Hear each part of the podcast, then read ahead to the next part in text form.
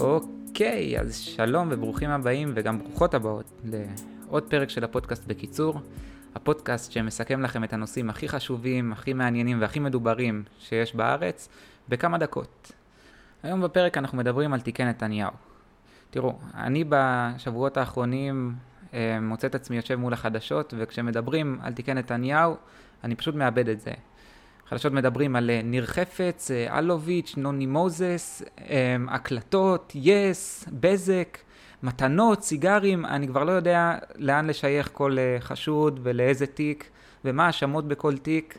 בגלל זה החלטתי שהגיע הזמן לעשות פרק אחד מסודר שיסביר את כל התיקים של נתניהו בצורה הכי אובייקטיבית שאפשר, בלי בלבולי מוח, כדי שאנשים כמוני שלא חדים על כל הפרטים של כל התיקים ולא כל היום מול החדשות, ידעו לפחות על מה מדובר, ואם תהיה התפתחות אה, משמעותית באחד התיקים, שלפחות יוכלו לשייך את ההתפתחות הזאת לתיק ולדעת אה, מה קורה שם, כי באמת מדובר אולי במשפט הכי מסובך שהיה פה מאז קום המדינה.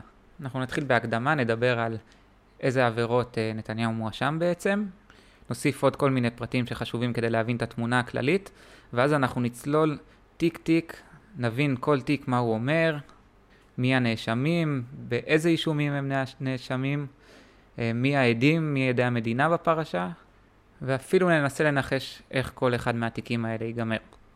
אני אשתדל להיות אובייקטיבי לאורך כל הפרק, למרות שזה יהיה מאוד קשה, כי גם כל המידע שאני אספתי הוא תמיד אה, נלקח מאיזושהי פוזיציה היה ממש אפשר להריח את הניחוח הפוליטי שיש בכל אחת מהכתבות שקראתי או שמעתי. אז אני באמת אשתדל לזקק לכם רק את הנתונים העובדתיים, ושאתם תשפטו לבד ותגידו אם היה או לא היה. טוב, אז אנחנו מתחילים. אבל לפני שאנחנו ממש נצלול אה, לתיקים, אני רוצה קודם כל להגיד שלדעתי, וזה באמת הפעם היחידה, אני מבטיח שאני אומר את הדעה שלי, המשפט הזה הוא סימפטום של דמוקרטיה בריאה. ואני אסביר. אמ, אם נתעלם עכשיו מזה שהכתב האישום רשום בנימין נתניהו ונחשוב שרשום שם אה, ראש הממשלה באופן כללי. העובדה שלמדינה יש את היכולת להניח על גבי מסמך משפטי את השם של ראש הממשלה נגד מדינת ישראל זה משהו טוב שמראה שהמדינה מתנהלת נכון. למה? כי זה מראה בדיוק שמי שעומד בראש של המדינה הוא לא המדינה. המדינה האזרחים, אלה הפקידים, המשרדים השונים בממשלה, זה לא הבן אדם היחיד שעומד בראשה. ואם בכל זאת נתייחס לזה שנתניהו הוא שמואשם בפרשה הזאת, אז עוד יותר ראש ממשלה ששלט פה, זה נראה שהוא היה פה מאז ומעולם, פתאום במכה אחת המדינה אומרת לו שעם כל הכבוד לזה שעמדת בראש של המדינה ויש לך הון אה, ציבורי, פוליטי, אה, חומרי, אתה עדיין כמו אחרון האזרחים פה שיכול uh, לעמוד לדין פלילי ולשלם את העונש שלו אם תצטרך. בקיצור, אף אחד לא מעל החוק, גם לא ראש הממשלה. טוב, כמו שאתם בטח יודעים, נתניהו מואשם בשוחד, מרמה והפרת אמונים.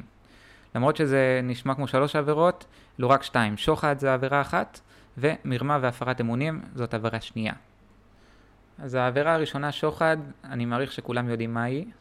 בפרק ט', סימן A לחוק העונשין, אפשר לראות כל מה שרוצים לדעת על שוחד, אה, מהו שוחד, איך מקבלים שוחד, מי מקבל שוחד, אה, מי נחשב לזה שנותן את השוחד. ההגדרות לגבי העבירה הזאת הן מאוד ברורות ובגלל זה אני אדלג עליהן. אני רוצה להתעכב רגע על העבירה השנייה שנתניהו מואשם בה, וזה מרמה בהפרת, והפרת אמונים. זאת עבירה שהיא נקראת עבירת סל, ו...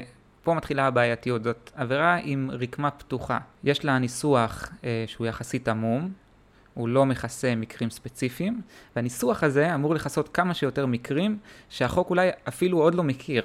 זאת אומרת, החוק יודע שעובדי ציבור יכולים לפגוע במדינה לא רק בדרך של שוחד, אלא בדרכים אחרות שיכול להיות שהוא עדיין לא מכיר, ובגלל זה נוצרה עבירה של מרמה והפרת אמונים, בשביל לכסות מקרים כאלה. אני אתעכב עוד קצת על העבירה הזאת, כי נתניהו מואשם בכל התיקים במרמה והפרת אמונים, ורק בתיק אחד בשוחד. אז חשוב שלפני שאנחנו צוללים לתיקים, נדע בדיוק מה מרמה והפרת אמונים אומרת. אני לא יודע אם uh, כבר אמרתי, אבל אם לא אמרתי זה הזמן. אני סטודנט לתואר ראשון למשפטים, וכיאה לסטודנט uh, למשפטים, ברגע שאני נתקל בבעיה משפטית שאני לא מבין אותה, אני פונה לכתבים של אהרון ברק. אז הבאתי לכם מתוך אה, פסק דין גרוסמן את הפירוש של אהרון ברק לעבירת מרמה והפרת אמונים. אז ברק אומר ככה: עובד הציבור נתון במצב של אמון כלפי המדינה, אשר הפקידה בידי העובד סמכויות וכוחות. בהפעלת תפקידיו אלה, על עובד הציבור לפעול מתוך נאמנות. עובד ציבור, המפר את האמון שניתן בו, והפועל באופן שאינו מגשים את האינטרס שעל מילויו הופקד, מפר אמונים. עכשיו בואו נפרק. ברק אומר קודם כל מה הם אמונים, שזה עובד ציבור שקיבל את אמון המדינה לעשות את התפקיד שהיא הטילה עליו. אז ברגע שהעובד ציבור פועל בניגוד לאינטרס של המדינה שהטילה עליו את התפקיד, הוא מפר אמונים.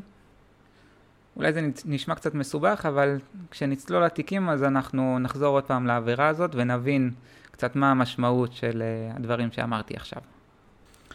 אז קדימה, מתחילים. אנחנו נתחיל מהתיק הקל ביותר, תיק 1000, עד לתיק uh, עם ההאשמות הכבדות ביותר, תיק 4000. תיק 1000, תיק המתנות, אנחנו מדברים על השנים בין 2007 ל-2016. בשביל להבין את התיק, אנחנו צריכים להבין שלוש דמויות. נתניהו, מכירים. הדמות השנייה היא אהרון מילצ'ן, והדמות השלישית, ג'יימס פאקר. מילצ'ן הוא איש עסקים מיליארדר, אחד העשירים ביותר בישראל, ומפיק סרטים בהוליווד, הוא חבר של נתניהו. פאקר הוא חבר של מילצ'ן, שבזכות החברות הזאת, בהמשך נהפך לחבר של נתניהו גם. לפי כתב האישום בין 92 העמודים שקראתי אה, בשביל הפרק הזה, מילצ'יין ופאקר, במשך השנים שציינתי בהתחלה, נותנים לנתניהו שמפניות, סיגרים ותכשיטים בשווי שמוערך על ידי הפרקליטות. עוד פעם, המשפט מתנהל עכשיו ואנחנו עדיין uh, נמצאים בוויכוח על מה השווי של המתנות האלה. הפרקליטות העריכה אותם בכ-700 אלף שקל. לפי כתב האישום, המתנות האלה הן לא בקבוק שמפניה שהם מביאים uh, לכבוד ארוחת שישי ב- כשהם מתארחים בבית של חברים, אלא כבר היה עניין של קו אספקה ישיר. זה מה שהפרקליטות מספרת. שנוצר קו בין מילצ'ן לנתניהו, שבו עוברים כל המתנות האלה באופן תדיר, יומיומי, ולפי הבקשות של הזוג נתניהו. עכשיו, עם כמה שזה נשמע ש... שזה בעייתי, עדיין אין פה עבירה. זאת אומרת, בשביל שזה כן ייחשב כעבירה, צריך להוכיח שמילצ'ן ופאקר קיבלו משהו בתמורה למתנות האלה. כי אחרת זה סתם מתנות. אז המדינה טוענת שבתמורה לכל המתנות האלה, מילצ'ן קיבל מנתניהו הערכה על הוויזה שלו, הטבות מס אה, שונות ומסובכות מדי בשביל להסביר כרגע, וקידום אה, של המיזוג של רשת וקשת, שלמילצ'יין היה אינטרס בעסקה הזאת. בתיק 1000 נתניהו מואשם רק במרמה והפרת אמונים, הוא לא מואשם בשוחד.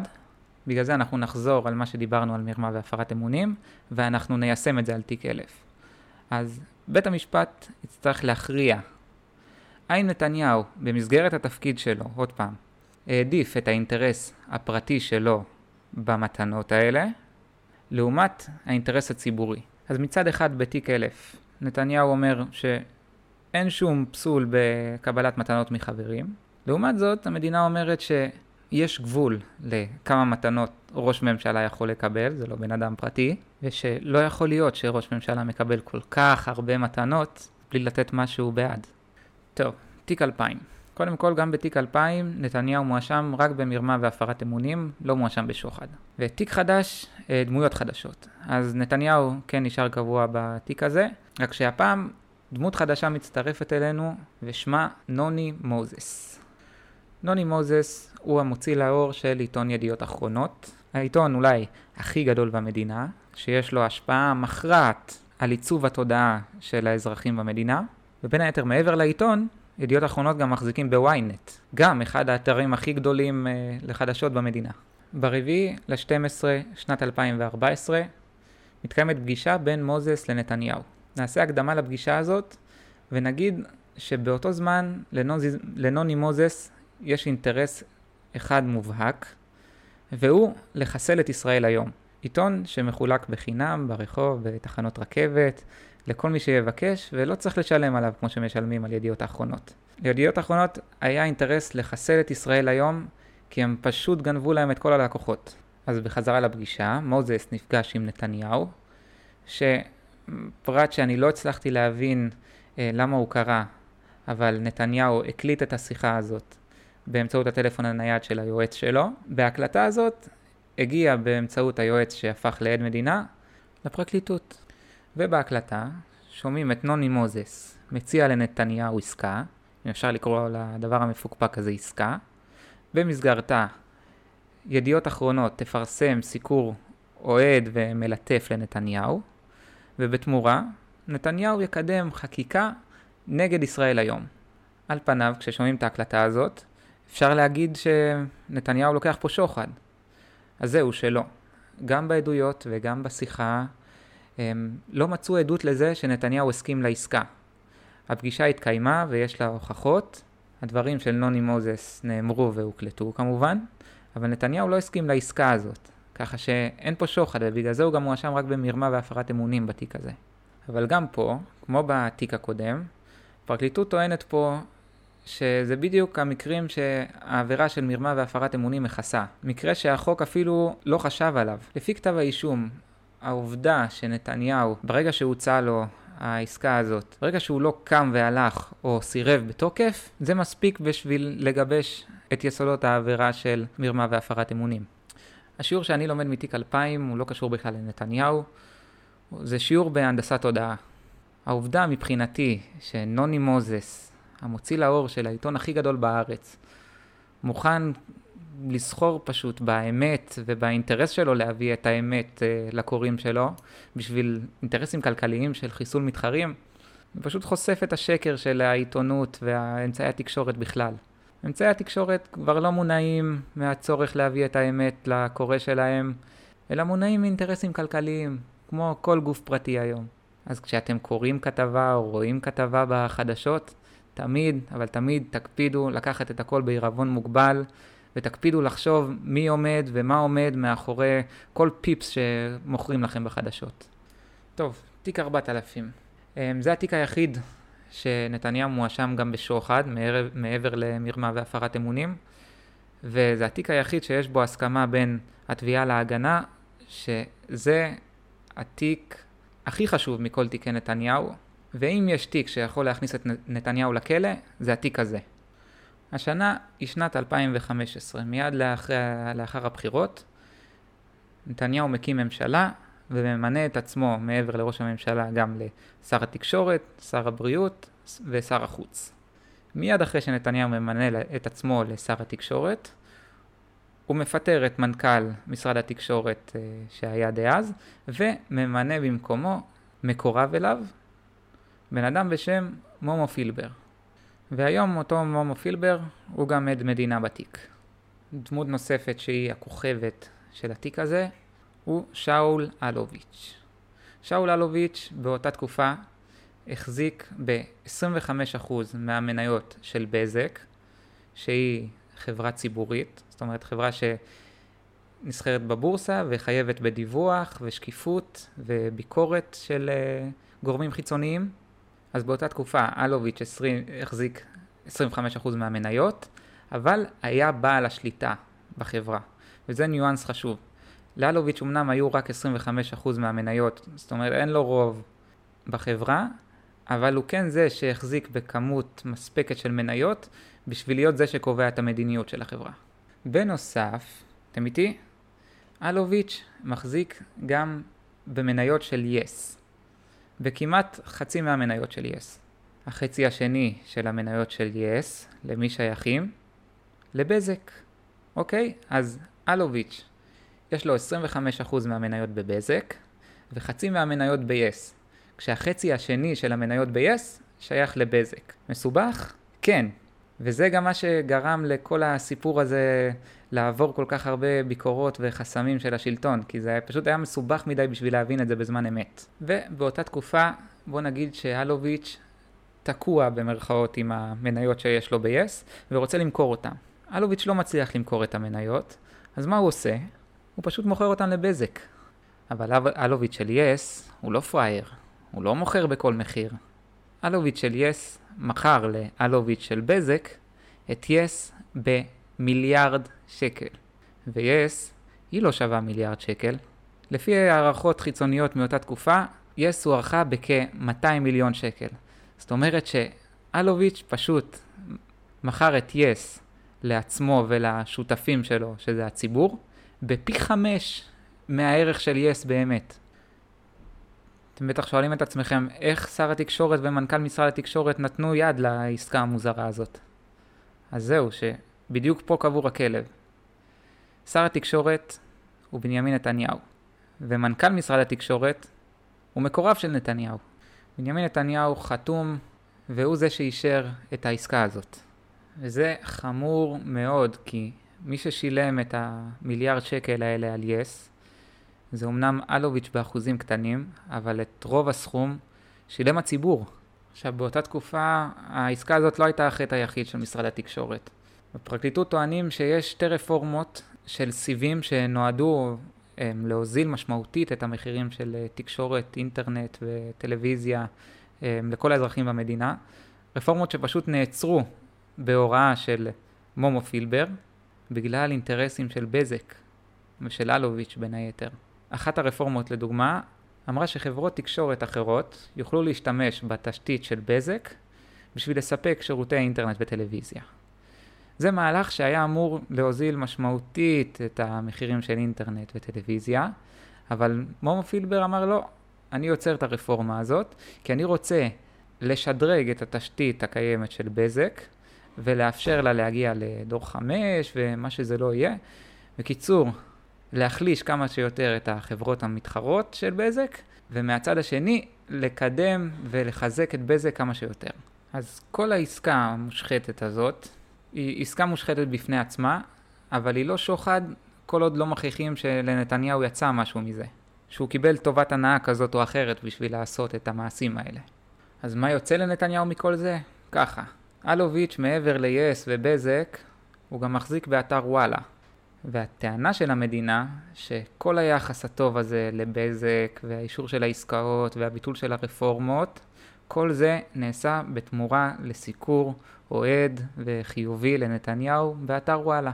המדינה כרגע מחזיקה כנגד נתניהו הוכחות והקלטות שבין היתר ניתנו בעזרתו של ניר חפץ, שהיה העוזר האישי של נתניהו ועכשיו הוא עד מדינה, הוכחות שהזוג נתניהו פנה לאלוביץ' ולאשתו, במטרה לשנות, לקדם או לבטל סיקורים שונים של הזוג נתניהו באתר החדשות וואלה.